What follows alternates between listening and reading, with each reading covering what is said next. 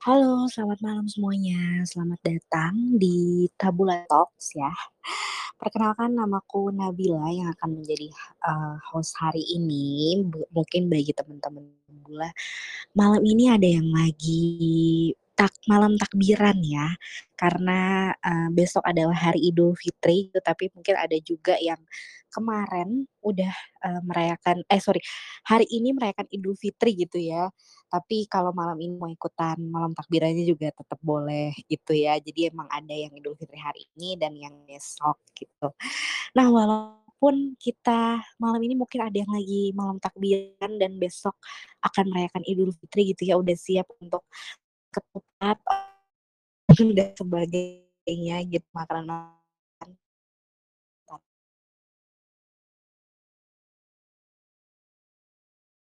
Kan tok Hopefully semua dalam keadaan da baik saja ya malam ini. Ada yang lagi dik gitu atau, eee, pulang kampung, ke kampung halaman gitu atau ternyata masih di ibu kota aja gitu.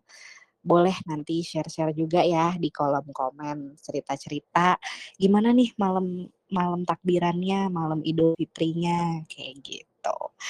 Oke, eee, karena ini juga sudah jam 8, mungkin kita akan langsung mulai aja sesi Tabula Talks malam ini. Malam ini kita akan membahas seputar hidup nggak melulu tentang improve gitu ya. Jadi pernah nggak sih teman Tabula tuh ada di dalam satu kondisi di mana ngerasa hidup tuh gini-gini aja gitu ya. Mungkin ada yang, eee, lagi pengen mengejar sesuatu misalnya mau S2 atau mau kuliah lagi, mau bikin usaha, mau nikah, mau punya anak dan segala macam, tapi ternyata masih stuck nih belum bisa mencapai, eee, mimpi-mimpi tersebut atau keinginan tersebut karena beberapa kondisi gitu ya. Tapi ngelihat sekitar, kok temen aku yang seumuran aku udah punya ini, punya itu dan me eee, dan menjalani kehidupan yang aku impikan gitu. Aku pengen tuh, sebenarnya aku pengen kayak dia bisa S2, bisa, eee, meniti karir dan sebagainya gitu. Jadi kayak ngerasa, kok hidup aku gini-gini aja sedangkan orang tuh terus-terusan maju gitu. Eee, kadang-kadang kita ngerasa cemas gitu ya kalau misalnya ternyata ngerasa hidup kita gini-gini aja gitu. I sebenarnya wajar karena, eee, teman Tabula nggak ada di ideal life Kalpin gitu. Jadi ngerasa cem kok aku nggak bisa sampai ini, itu, hidupku gini-gini aja. Jadi itu manusiawi banget kali ada perasaan cemas atau nyaman gitu terhadap, eee, keadaan tersebut gitu. Tapi pada dasarnya dalam kehidupan ini tuh nggak selamanya loh teman Tabula kita tuh hidup kurva kita harus naik gitu, kita harus mencapai ini dan itu. Well, itu adalah sesuatu yang positif ya, sesuatu yang baik gitu. Tapi ketika itu menjadi berlebihan, ketika kita terus kayak, eee, terus kayak nge-push diri kita untuk improve, itu bisa men menimbulkan dampak yang nggak baik juga bagi diri kita dan mental health kita gitu. Apa aja sih dampak-dampaknya dan, a ben dan apakah hidup itu harus improve terus? Kayak gitu. Nah, malam ini kita akan membahas topik ini lebih lanjut bersama Kak Rania. Kak Rania hari ini akan membawakan topik seputar hidup nggak melulu tentang improve. Halo Kak Rania, apa kabar? Halo Nabila, kabarku baik, alhamdulillah. Alhamdulillah, terima kasih sudah hadir di antara kita semua nih untuk membawakan topik malam ini. Walaupun malam ini kita juga sambil takbiran besok hari raya Idul Fitri, tetap tetap semangat ya tentunya membawakan topik ini. Iya. Oke kalau gitu, tanpa berlama-lama lagi aku langsung, mempersilahkan untuk Rania membawakan, eee, topik malam ini di Tabula Talks, silakan. Oke, halo semuanya, perkenalkan aku Rania. Aku sudah beberapa kali sih menjadi narasumber di Tabula Talks ini. Aku salah satu konselor di Tabula dan untuk malam hari ini aku akan membawakan topik tentang hidup nggak melulu tentang improve. Jadi, aku langsung masuk aja nih Nabila ke penjelasan fenomena? Iya, boleh silakan. Oke. Jadi jadi dulu aku pernah ketemu sama anak waktu dia masih jadi anak ini masih SMP dan dia tuh udah nyari banyak, eee, kegiatan magang dan kegiatan volunteer katanya buat CV. Itu wadidaw banget sih kayak fenomena orang-orang, mahasiswa, bahkan mungkin anak-anak yang masih sekolah itu mereka tuh memandang hidup sebagai suatu suatu di mana mereka itu harus terus-terusan mengimprove diri, meningkatkan kualitas diri, meningkatkan skill, meningkatkan relasi, meningkatkan menambah-menambah pengalaman baru gitu. Nah, tapi untuk saat ini aku akan bicara dari pengalaman pribadi aku. Pengalaman ini aku alami tepat di saat aku mulai lulus kuliah. Waktu aku lulus kuliah S1. Waktu itu aku sangat mengejar isi CV aku, sampai-sampai ada saat di mana aku punya kerjaan content writer dan peer counselor di 4 sampai 5 tempat sekaligus. Dan ikut banyak banget campaign kesehatan mental di Instagram. Jadi, ya bayangin aja dalam waktu dari Januari 2022 waktu itu, sampai Juli 2022, itu aku padet banget, itu bener-bener padet yang padatnya minta ampun gitu. Capek, waduh capek banget, sangat capek. Burnout dan burnout-nya itu tuh secara perlahan gitu, bertahap gitu, dan akhirnya burnout juga gitu loh. Burnout aku tuh sakit kepala, migrain, vertigo kumat, GERD aku kumat, dan kesehatan mental aku tuh turun drastis gitu. Aku jadi lebih sering cemas, aku lebih sering stres, bahkan fase depresi aku kumat sampai muncul pikiran, "Duh, aku mau ngilang aja boleh nggak sih? Aku boleh nggak sih ngilang seminggu, nanti seminggu lagi aku balik," gitu. Saking banyaknya pekerjaan yang harus aku lakukan gitu. Dan waktu itu tuh aku tuh kayak yang tidak memandang aku itu perlu untuk istirahat gitu loh. Aku kayak memandang istirahat itu sebagai bentuk kelemahan gitu.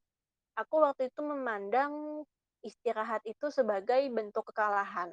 Aku memandang kalau misalkan aku istirahat, nanti aku ketinggalan nih sama teman-teman aku yang lulus yang lain gitu. Waktu itu tuh aku tuh sangat apa ya? Sebenarnya udah kejadian sih waktu kuliah gitu. Aku udah ngelihat teman-teman di sekitaran aku, eee, ada tingkat ada tingkat aku, sambil skripsi, sambil magang, terus mereka juga ikut kepanitiaan, terus mereka juga ada yang sambil kerja. Jadi mereka tuh punya banyak banget kegiatan gitu loh. Dan sebenarnya sih sah-sah aja gitu loh, kalau misalkan memang kita itu punya kemampuan fisik dan mental yang cukup gitu loh untuk kita apa ya, banyak kegiatan gitu loh. Tapi kalau misalkan kita nggak mampu dan terus-terusan mengejar demi improve diri, demi CV, demi pengalaman baru, demi skill baru, demi relasi baru, pertanyaan aku tuh akhirnya pas aku di zaman-zaman udah akhirnya burnout tuh dalam pikiran aku tuh akhirnya muncul gitu, "Ini kapan sih aku istirahatnya?" Gitu. "Ini kapan sih aku masa aku harus terus-terusan lari gitu, kapan aku tiba di rest area?" Gitu loh. Ini kita pakai contoh mudik aja ya. Ini maaf ya kalau misalkan ada suara kembang api ya di tempat aku ya. Jadi kita pakai contoh mudik aja. Di mudik aja tuh ada rest area gitu loh. Masa kita nggak istirahat sih gitu loh. Kayak nggak mungkin kan kita jalan misalkan dari Jakarta ke Yogyakarta lurus gitu, tapi kita nggak tiba di rest area gitu. Kayak ya bisa aja sih mungkin ya. Tapi kalau gitu capek nggak sih jadinya? Jadi kan kita harus tiba di rest area dulu buat ngisi bensin atau buat makan atau buat ke toilet gitu. Ya mudik aja ada rest areanya, masa kita nggak istirahat kalau misalkan kita capek ketika kita lagi mengejar untuk menjadi diri yang lebih baik lagi gitu. Dan kalau ngelihat fenomena-fenomena saat ini kayak yang sangat dieluk-elukan, menjadi diri yang lebih baik lagi, menjadi diri yang lebih apa ya, lebih improve gitu, yang lebih wah gitu, glow up, apa namanya, eee, skill mastery gitu. Ya sah-sah aja sih, tapi jangan sampai kita lupa untuk istirahat gitu. Dan fenomena ini sih banyak banget sih di sekeliling aku, bahkan sampai yang tadi aku contoh, anak SMP aja udah ada yang mikir kayak gitu dan kayak gitu dan aku kayak, waduh aku waktu SMP nggak mikir sampai ke sana, kayaknya zaman sekarang zaman medsos nih sosial comparison-nya gede banget gitu. Gitu sih kalau dari fenomena, aku balikin ke Nabila. Oke, baik baik. Jadi di fenomena tersendiri ada keadaan-keadaan emang yang dulunya pernah ada di positions juga mengalami kenapa ya hidup tuh harus improve terus gitu dan kayak kapan, di mana nih, eee, kapan aku istirahatnya gitu ya. Nah kira-kira kalau dari, eee, topik malam ini nih, sebenarnya kita tuh hidup tuh emang harus improve terus nggak sih? Dan apakah apa dampaknya gitu kalau misalnya kita punya mindset bahwa hidup tuh harus improve terus? Hmm, kalau kita selalu punya pikiran kalau kita terus-menerus ingin improve tuh dampak ke diri kita sendiri dalam jangka panjang sih kerasanya sih. Bakal mulai kerasa itu tuh pas kita itu mulai burnout gitu, pas kita mulai merasa capek gitu. Kita tuh bakal jadi nggak cepet puas gitu sama diri kita sendiri gitu. Kita tuh bakal cepet capek, cepet lemes gitu. Bahkan dari nggak cuma mental, tapi dari fisik aja kerasa gitu loh, kayak pegel-pegel, pusing. Mungkin kita ada yang sampai skip makan gitu. Mungkin kita ada juga kalau kita bicara tentang pertemanan atau hubungan dengan keluarga, kita jadi jarang ngobrol sama temen atau main sama temen atau misalkan kontak sama keluarga, kita di kamar aja ngerjain apa gitu. Dan itu kan pasti mempengaruhi kesehatan mental juga kan gitu. Dan itu bakal bikin kita lebih kayak aku tuh waktu zaman-zaman masih apa ya, masih dalam banyak kerjaan gitu tuh, aku tuh kalau dipanggil aja tuh kan, terus aku tuh kayak, "Apa sih?" Jadi kayak yang kayak yang gampang banget ke-trigger gitu, gampang banget kesenggol gitu. Padahal orangnya manggil biasa aja, tapi tahu-tahu, "Apa sih?" Gitu, kayak, "Apa lagi?" Gitu. Padahal ya nggak ada apa-apa gitu. Itu yang bikin kayak ya karena kan kalau misalkan kita banyak kerjaan kan berarti banyak stimulus yang harus diselesaikan kan, banyak stimulus yang kita harus berinteraksi dengan mereka dari A, B, C, D, E, F, G, sampai Z itu banyak kan.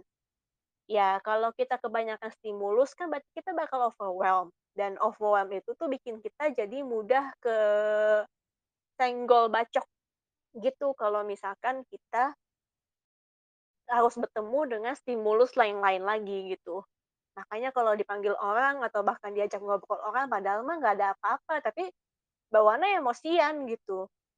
Dan kita kalau terus-menerus seperti itu, kita jadi nggak akan jadi orang yang mudah untuk mensyukuri dan mencintai diri kita sendiri sebagaimana adanya gitu.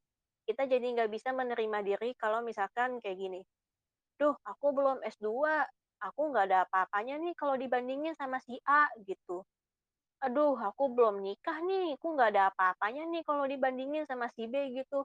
"Aku baru bakal bagus nih, aku tuh baru bakal bisa cinta diri sendiri atau aku tuh baru bakal puas nih kalau misalkan aku udah S2 atau aku udah kerja gajinya segini atau aku nikah dulu deh baru bisa akhirnya tuh ngerasa puas sama diri." Padahal nggak juga gitu. Kita nggak perlu syarat apa-apa untuk mencintai diri sendiri gitu. Cukup punya kita aja, kita udah bisa cinta sama diri kita sendiri gitu, tanpa ada social comparison apa-apa.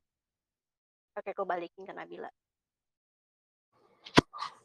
Oke, jadi dampak terhadap mindset kita yang harus terus-terusan improve tuh bisa dibilang tadi ya, kalau dari pengalamannya Rani ya, jadi lebih sensitif gitu menanggapi orang atau misalnya dalam keadaan tertentu dan kayak jadi melihat diri kita, gambaran diri kita tuh jadi kayak, aduh kurang worth it gitu. Gue baru bisa bahagia kalau gue udah mencapai tadi misalnya S2 atau, eee, udah nikah gitu misalnya gitu. Padahal sebenarnya, eee, hal tersebut tuh, eee Jangan nggak usah dipikirin gitu ya, eee, dalam artian tetap worth it diri kita, tetap valuable dalam situasi apa pun walaupun nggak terus-terusan improve menjadi diri kita sendiri, diri kita yang sekarang itu tetap valuable apa pun kondisinya.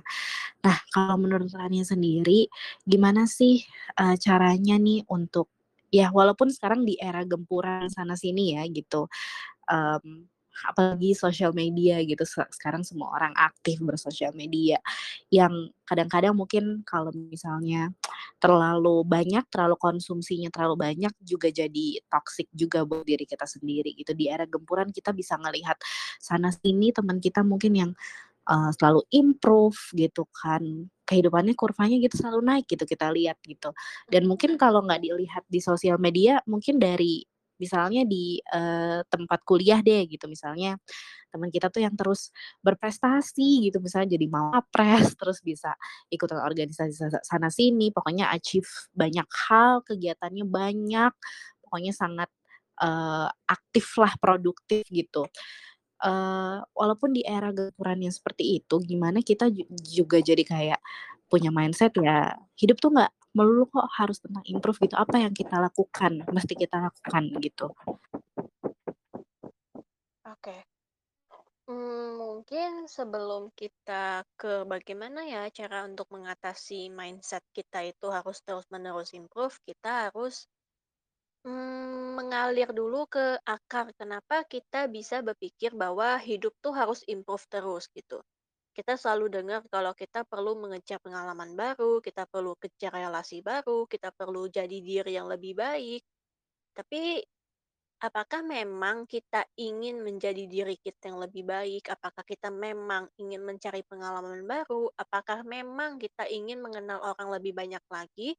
Atau sebenarnya kita hanya sedang memenuhi rasa tidak percaya diri kita. Apakah sebenarnya kita hanya sedang memenuhi rasa pesimis dan insecure dengan diri sendiri gitu?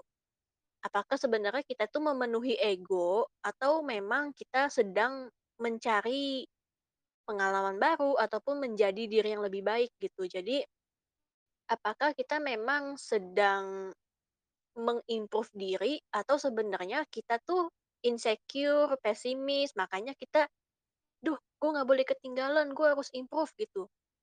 Jadi kayak perlu dibedakan gitu kayak, apakah kita memang kayak, "Oh, aku nih kurang di sini, jadi aku harus mengimprove diri," gitu. "Aku perlu meningkatkan public speaking aku," misalkan gitu. "Oh, ternyata aku tuh kalau ngomong terlalu cepet, jadi aku perlu melatih diri aku biar aku ngomong nggak terlalu cepet," gitu. Nah, yang kayak gitu Jangan sampai kayak, "Duh nih orang ngomongnya hebat banget, gue harus bisa nih jadi kayak dia. Oh gue harus ikut kelas public speaking." Jadi kita perlu melihat motivasi yang kita dapatkan itu motivasi yang didasarkan oleh internal di dalam diri kita, atau karena kita pengen ikut-ikutan aja gitu. Kayak kadang-kadang kita itu Mengejar sesuatu yang bahkan sebenarnya mungkin kita nggak butuh gitu. Mungkin kita nggak membutuhkan itu atau bahkan mungkin itu bukan kemampuan kita gitu. Karena kan pada akhirnya semua orang itu punya kapasitasnya masing-masing, semua orang itu punya kemampuannya masing-masing, semua orang itu punya tempatnya masing-masing. Kalau misalkan ada teman kita jadi mapres deh misalkan, jadi anggota BEM deh misalnya gitu. Nah, kita pengen tuh jadi kayak dia, tapi apakah memang kita ingin menjadi anggota BEM atau kita pengen jadi kayak dia gitu? Jangan sampai kita pengen jadi kayak dia karena kita nggak akan pernah bisa jadi kayak dia gitu. Kalau ceritanya memang kita terinspirasi dari dia pengen jadi anggota BEM ya nggak salah gitu. Tapi jangan sampai kita jadi membandingkan diri kita dengan dirinya dan kita pengen jadi kayak dia gitu. Karena itu nggak akan ada habisnya. Social comparison itu nggak akan ada habisnya. Membandingkan diri kita sendiri ke diri kita orang lain itu nggak akan ada habisnya. Pikiran kayak, kalau mereka bisa, kenapa saya enggak gitu. Itu juga pikiran yang menjebak gitu loh. Itu tuh motivasi yang datang dari diri sendiri atau motivasi yang datang dari orang lain gitu. apakah kalau misalkan, eee, enggak, kalau misalkan pikiran yang kalau mereka bisa kenapa saya enggak itu bisa jadi motivasi kita kayak Ya, kalau mereka bisa public speaking, kenapa aku enggak? Aku kan harus bisa public speaking biar aku bisa menjadi orang yang lebih baik lagi nih dalam dunia kerjaku. Ya itu nggak apa-apa gitu. Cuma jangan sampai kita ngelihat jadi kayak kita itu nggak boleh sampai Mmm, nggak tahu apa yang sebenarnya kita capai gitu loh. Apakah kita mengejar ego kita, apakah kita itu hanya ingin mengurangi rasa tidak percaya diri kita, mengurangi rasa insecure kita, atau memang kita menyadari bahwa kita itu kurang di mana, kita itu pengen improve di mana. Jadi kita itu harus peka gitu loh dengan apa sih yang gue butuhin sebenarnya gitu. Bukannya, "Oh, "Orang ini punya ini, berarti gue harus punya itu juga." Nggak gitu, kita nggak tahu apakah yang mereka punya itu cocok buat kita atau enggak gitu. Nah, dari situ kita baru bisa tahu gimana caranya biar kita bisa memandang kalau hidup itu tuh nggak melulu tentang improve gitu. Gimana caranya biar kita bisa mengurangi pikiran kalau kita itu selalu pengen improve gitu. Kita itu harus mengapresiasi setiap goal yang telah kita capai gitu. Jangan lupa self reward gitu. Berhenti kalau capek, itu juga penting. Bahkan sebenarnya berhenti sebelum capek. Kan kita suka dengar ya pepatah, berhenti makan sebelum kenyang gitu. Nah, sekarang berhentilah mengejar sebelum capek gitu. Liburan boleh kok. Live apa namanya refleksi, santai, nonton YouTube, main game, baca buku, gambar, nulis, hobi-hobi, atau bahkan goleran aja meleot gitu kayak kucing boleh kok. Jangan dengarkan apa kata orang lain. Jangan dengarkan apa pandangan orang lain. Kalau memang mungkin mereka mengatakan sesuatu yang positif, ya udah, ambil positifnya, tapi buang negatifnya. Dan itu pun juga jangan sampai kita toxic positivity gitu. Jangan sampai kita meniadakan emosi dan pikiran negatif kita kalau kita lagi kumat gitu. Kalau kita lagi nggak baik-baik aja ya udah nggak usah gitu. Kalau kita memang lagi capek ya udah nggak usah ngapa-ngapain gitu. Jangan sampai gara-gara omongan kayak kamu kok pemalas banget sih. Makanya kamu tuh harus jalan gitu. Kamu tuh harus mengejar sesuatu gitu. Jangan sampai kita terus-terusan mau kejar sesuatu tanpa kita mengambil waktu untuk istirahat gitu. Kita itu harus percaya sama diri kita sendiri dan puas pada diri sendiri. Jadi kalau kalimat akhirnya tuh, mau sampai kapan kita mengejar dan mau kapan kita istirahat gitu. Jangan lupa istirahat. Itu sih yang paling penting kalau kita mau menerapkan konsep kalau hidup itu nggak melulu tentang improve gitu. Jangan lupa istirahat. Kalau kita nggak istirahat ya nanti bensin kita habis, kita burn out, kita juga nggak bisa ngapa-ngapain. Kita juga sakit. Nanti kita nggak bisa ngapa-ngapain. Gitu sih. Aku balikin ke Nabila. Oke, jangan lupa istirahat karena kalau misalnya nggak istirahat, bensin kita juga habis, kita juga jadinya nggak bisa melakukan apa-apa. Dan tadi yang paling penting juga, ketika kita memiliki keinginan misalnya ya untuk improve gitu, kita harus mengetahui motivasi di baliknya gitu dan juga challenge pikiran kita, kenapa nih kita menginginkan hal tersebut. Bisa jadi ya kita memang nggak membutuhkan itu gitu tapi karena kita ngelihat orang-orang di sekitar kita kok pada bisa ini pada bisa itu kita juga jadi ikutan pengen gitu. Padahal belum tentu hal tersebut juga yang kita butuhin kayak gitu. Uh, baiklah kalau gitu aku mungkin akan coba baca-bacain komen dari teman-teman dulu ya Rania. Ini ada dari Mita katanya dia pernah ngerasa hidup tuh harus improve terus dari kecil sampai sekarang masih terus berimprove dalam segala hal. Penting untuk kita untuk terus berimprove agar dapat terus berkembang. Oke, okay. nice. Uh, Tot, uh, Mita, thank you. Terus ada lagi dari Rachel katanya, uh, katanya pernah nih merasa harus improve terus karena dampaknya sih jadi mau dampaknya jadi mau untuk terus belajar tidak stagnan namun kadang sih capek juga ya secara mental dan fisik. Wah bener nih tadi juga yang dibilang sama Rania jangan lupa istirahat karena perlu juga isi bensin.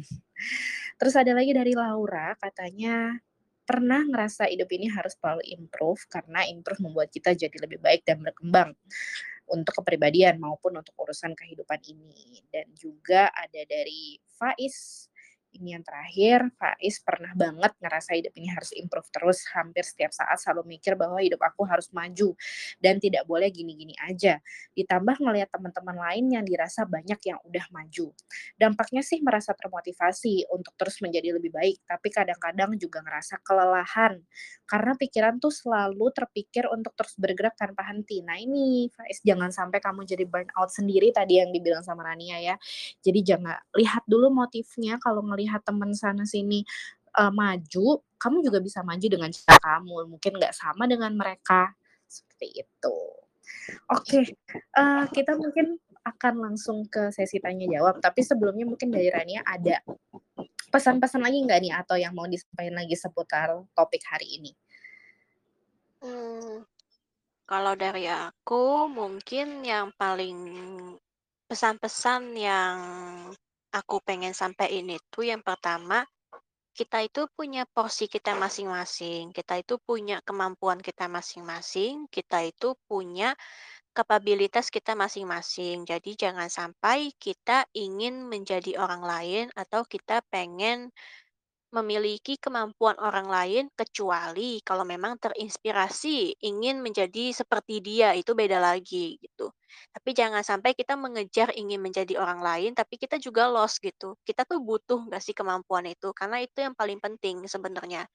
Kita boleh improve diri gitu tapi jangan sampai kita lupa kalau lupa memperhitungkan apakah sebenarnya yang kita butuhkan itu tuh memang kita butuhkan atau sebenarnya cuma mengejar ego kita aja, cuma mengejar rasa tidak percaya diri dan insecurity kita aja gitu. Dan tentunya sih ya jangan lupa istirahat karena tadi analogi aku, kalau mudik aja ada rest area ya kenapa kita enggak gitu. Karena gimana pun juga istirahat itu penting gitu. Kayak tubuh kita ini perlu istirahat gitu, nggak cuma fisik eh, nggak cuma mental kita, fisik kita ini juga butuh istirahat. Kalau kita sakit kita nggak bisa ngapa-ngapain lagi. Itu sih pesan dari aku. Oh, oh. Oke, okay. thank you thank you Rania untuk pesan-pesannya. Jadi tadi uh, yang kembali ya diingatkan jangan lupa istirahat gitu dan juga uh, kenali juga motivasi kenapa kamu uh, pingin improve dalam suatu hal gitu karena setiap orang punya kapabilitasnya sendiri jadi jangan memaksakan diri juga ya uh, ini bisa dibilang gitu uh, ketahui juga kamu tuh uh, kapabilitasnya sampai mana, kuat sampai mana. Jadi jangan memaksakan diri yang bikin kamu nanti bisa jadi burnout juga kayak gitu.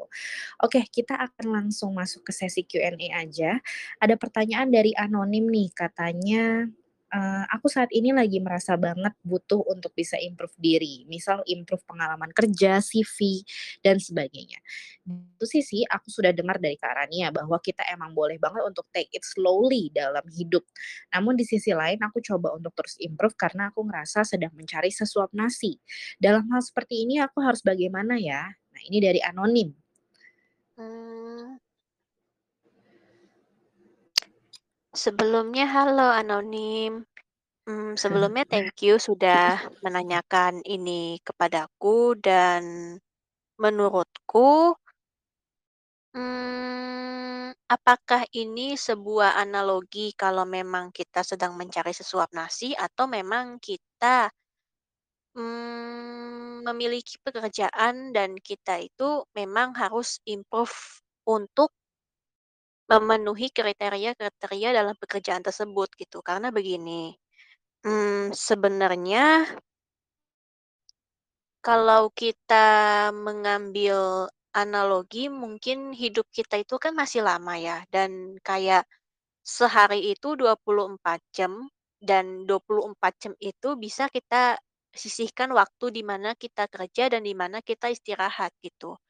Mmm, walaupun memang mungkin kalau kita misalkan bekerja dan kita memiliki kewajiban untuk mengimprove diri kita dalam pekerjaan tersebut, kita kayak jadinya seperti memiliki kewajiban gitu, kayak memiliki kewajiban, "Oh aku harus memenuhi, eee, memenuhi target yang ini, memenuhi target yang itu," gitu.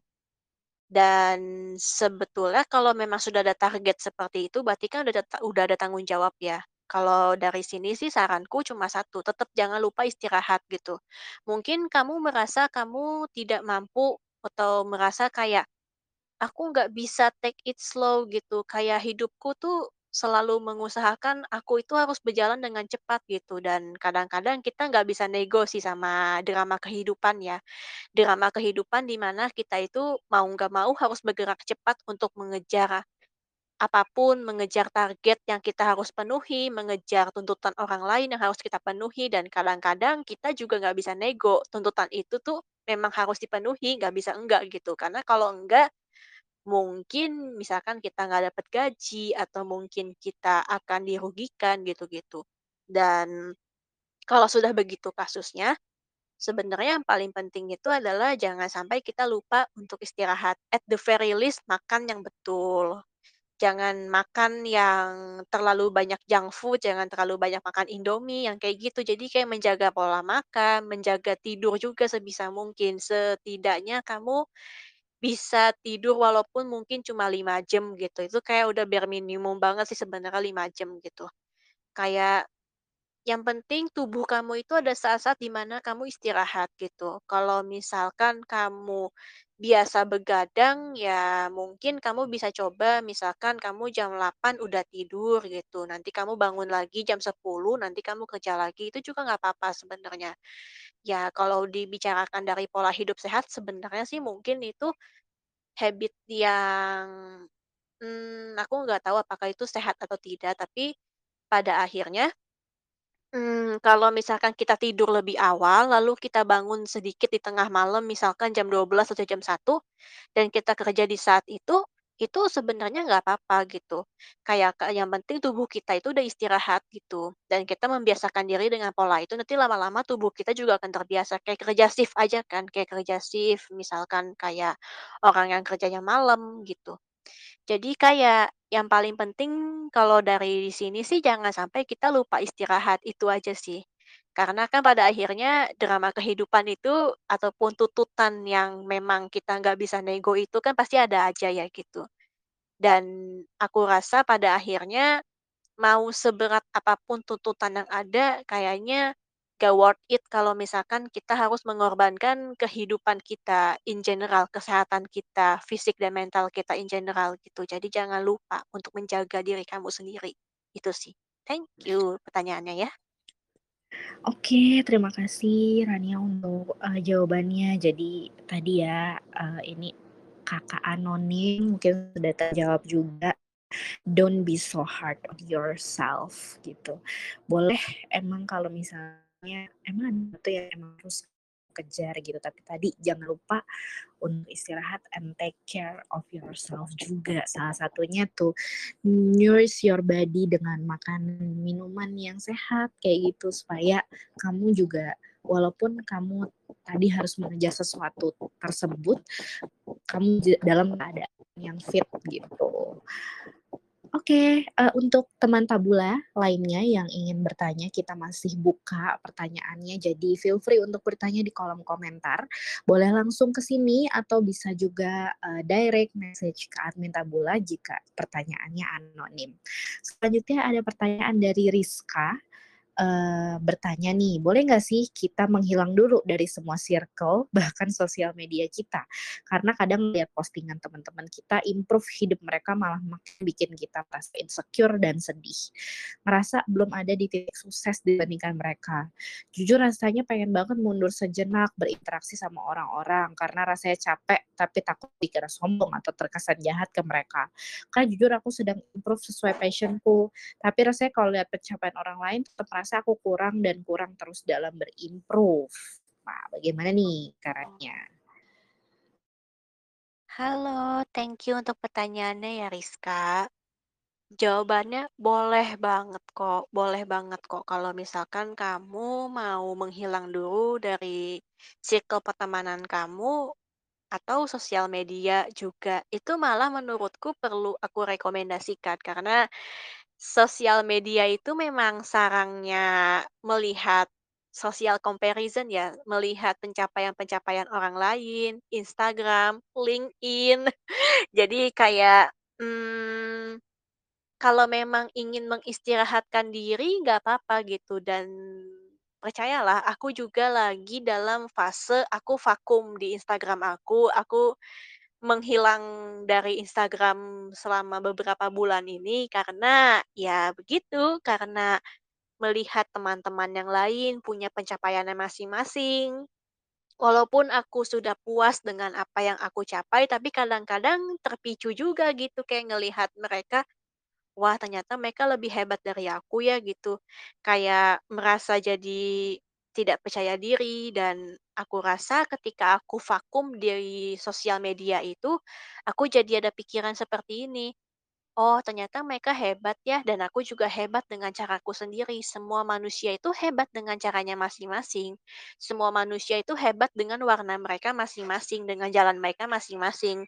Mungkin si A berjalan di jalan satu, kita berjalan di jalan dua, lalu si C jalan di jalan tiga, kayak gitu terus polanya. Nggak ada yang sama jalannya. Ataupun kalau memang jalannya mirip, ya tetap aja pasti ada perbedaannya gitu. Pasti ada kayak Persimpangan jalan di mana kita akan mengambil jalan yang berbeda dengan orang lain dan orang lain juga akan mengambil jalan berbeda dengan kita gitu.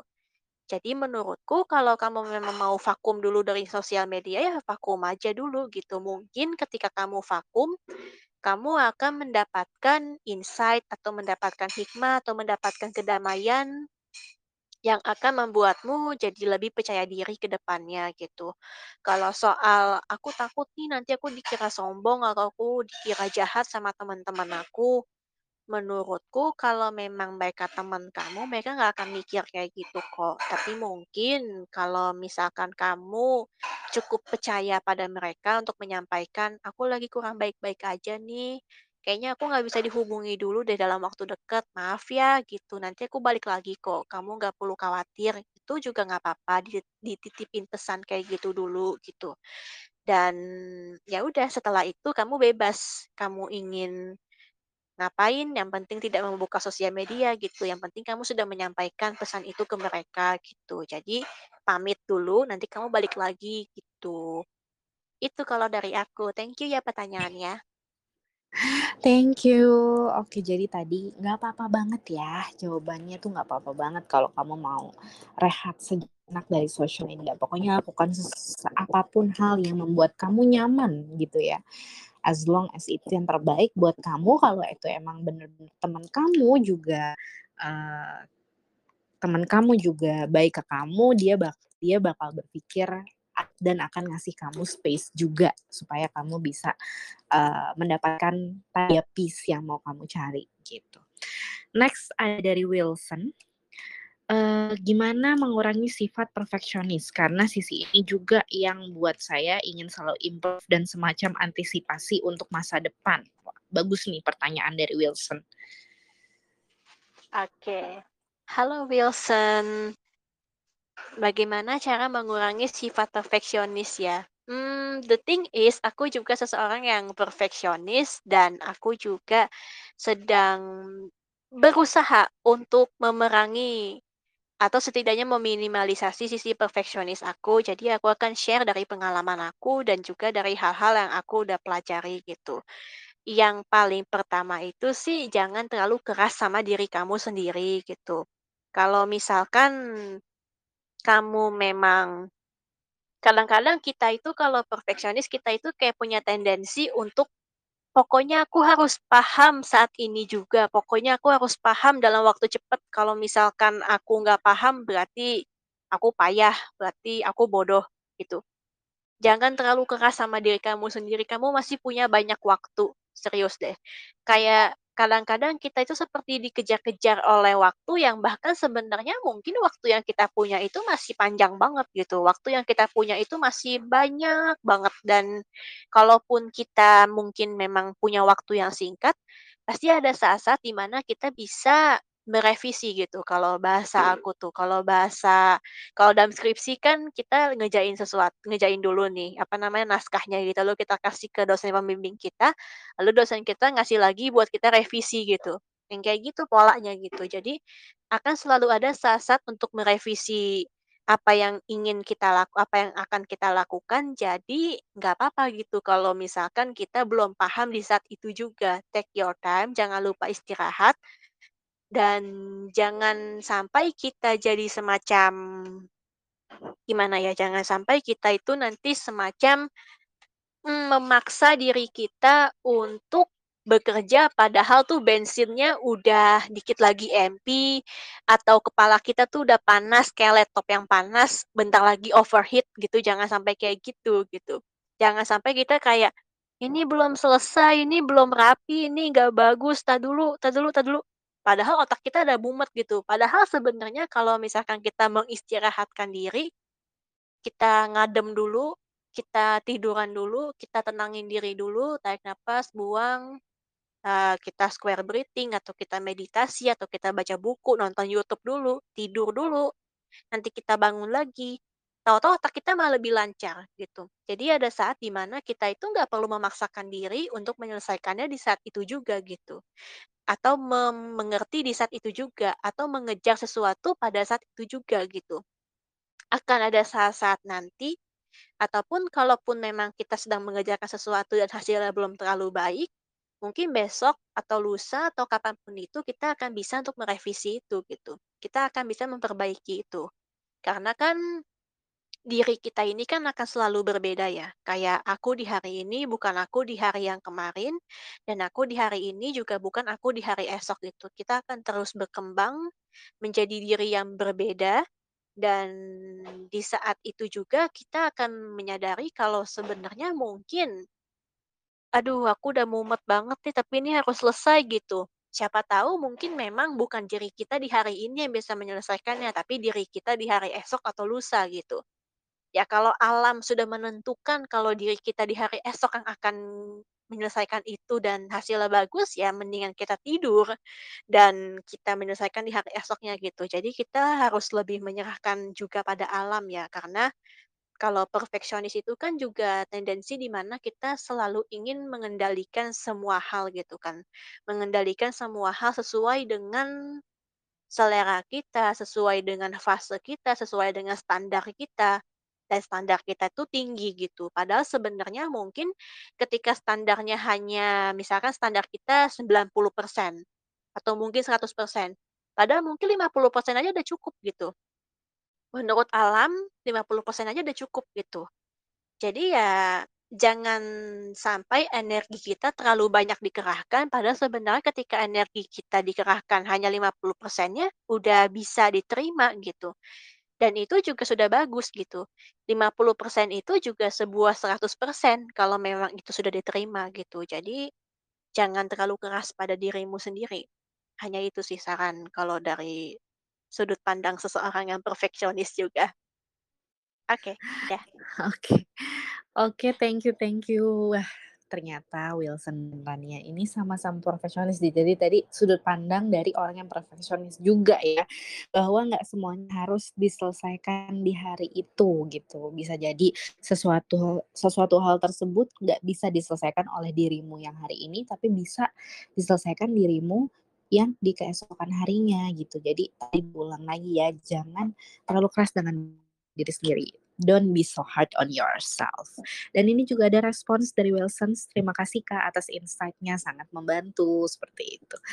Oke, terima kasih juga Wilson untuk pertanyaannya. Nah, eee, sepertinya kita sudah tidak, eee, mendapatkan pertanyaan lagi nih. Eee, jadi mungkin buat teman-teman Tabula yang sebetulnya masih mau, eee, berkomentar atau masih mau nanya atau mau sharing ceritanya, masih, eee, terbuka ya kalau misalnya kamu masih mau, eee, tuliskan pertanyaan kamu atau sharing di sini gitu. Mungkin sambil aku, eee, sedikit merangkum yang hari ini dibawakan oleh Rania, bahwasannya hidup itu memang tidak selalu untuk improve gitu ya.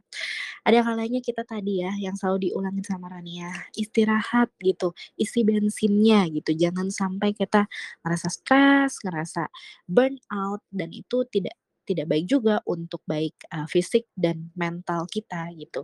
Dan juga yang tadi, eee, menjadi highlight adalah ketika kita mau improve, kita harus challenge pikiran kita, kenali kapabilitas kita, kenali kenapa kita mau improve, kenapa kita butuh skill baru tersebut, kita mau mencapai seperti itu.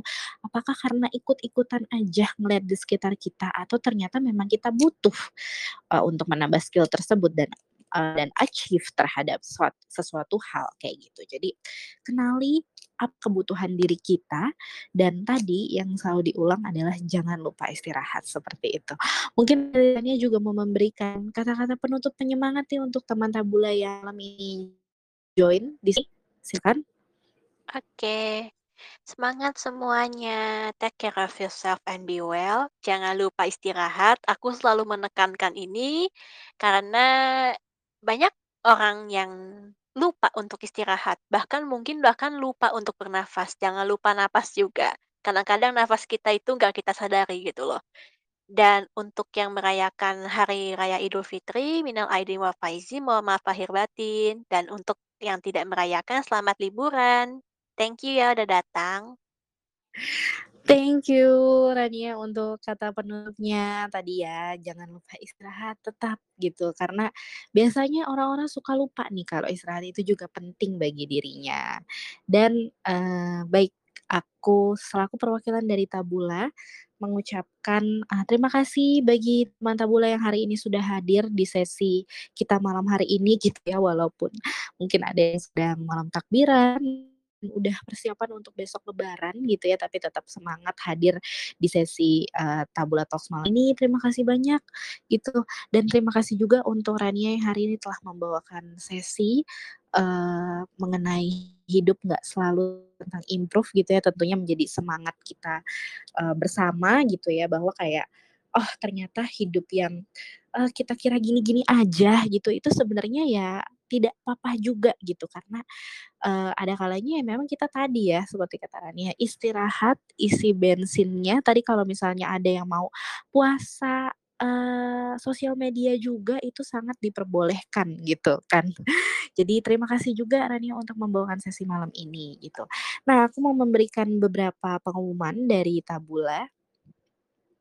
Jadi uh, Tabula di sini uh, menyediakan layanan konselor profesional. Mungkin teman-teman di sini ada yang ingin mencoba yang ingin mencoba tapi bingung gitu ya harus ke mana gitu di sini Tabula menyiapkan uh, layanan konselor profesional. Uh, jadi kalau kamu tertarik untuk ikut konseling untuk curhat dan cerita, nerima nerima insight baru, sudut pandang baru tentang masalah yang sedang kamu hadapi, kamu bisa uh, curhat dengan konselor asosiat Tabula ini aku sudah share juga di kolom uh, komen gitu ya. Jadi kalau misalnya kamu mau curhat, dapat insight baru, kalian bisa ke uh, tema ke Tabula gitu karena di sini menyediakan konselor profesional. Dan juga um, bagi teman-teman yang hadir di Tabula malam ini, kita akan mendapatkan akan mendapatkan se, uh, giveaway gitu ya. Giveaway-nya caranya gampang sekali tapi aku, uh, sebentar ya, aku lagi nyari contekannya nih, cara untuk mendapatkan si giveaway-nya itu. Sebentar.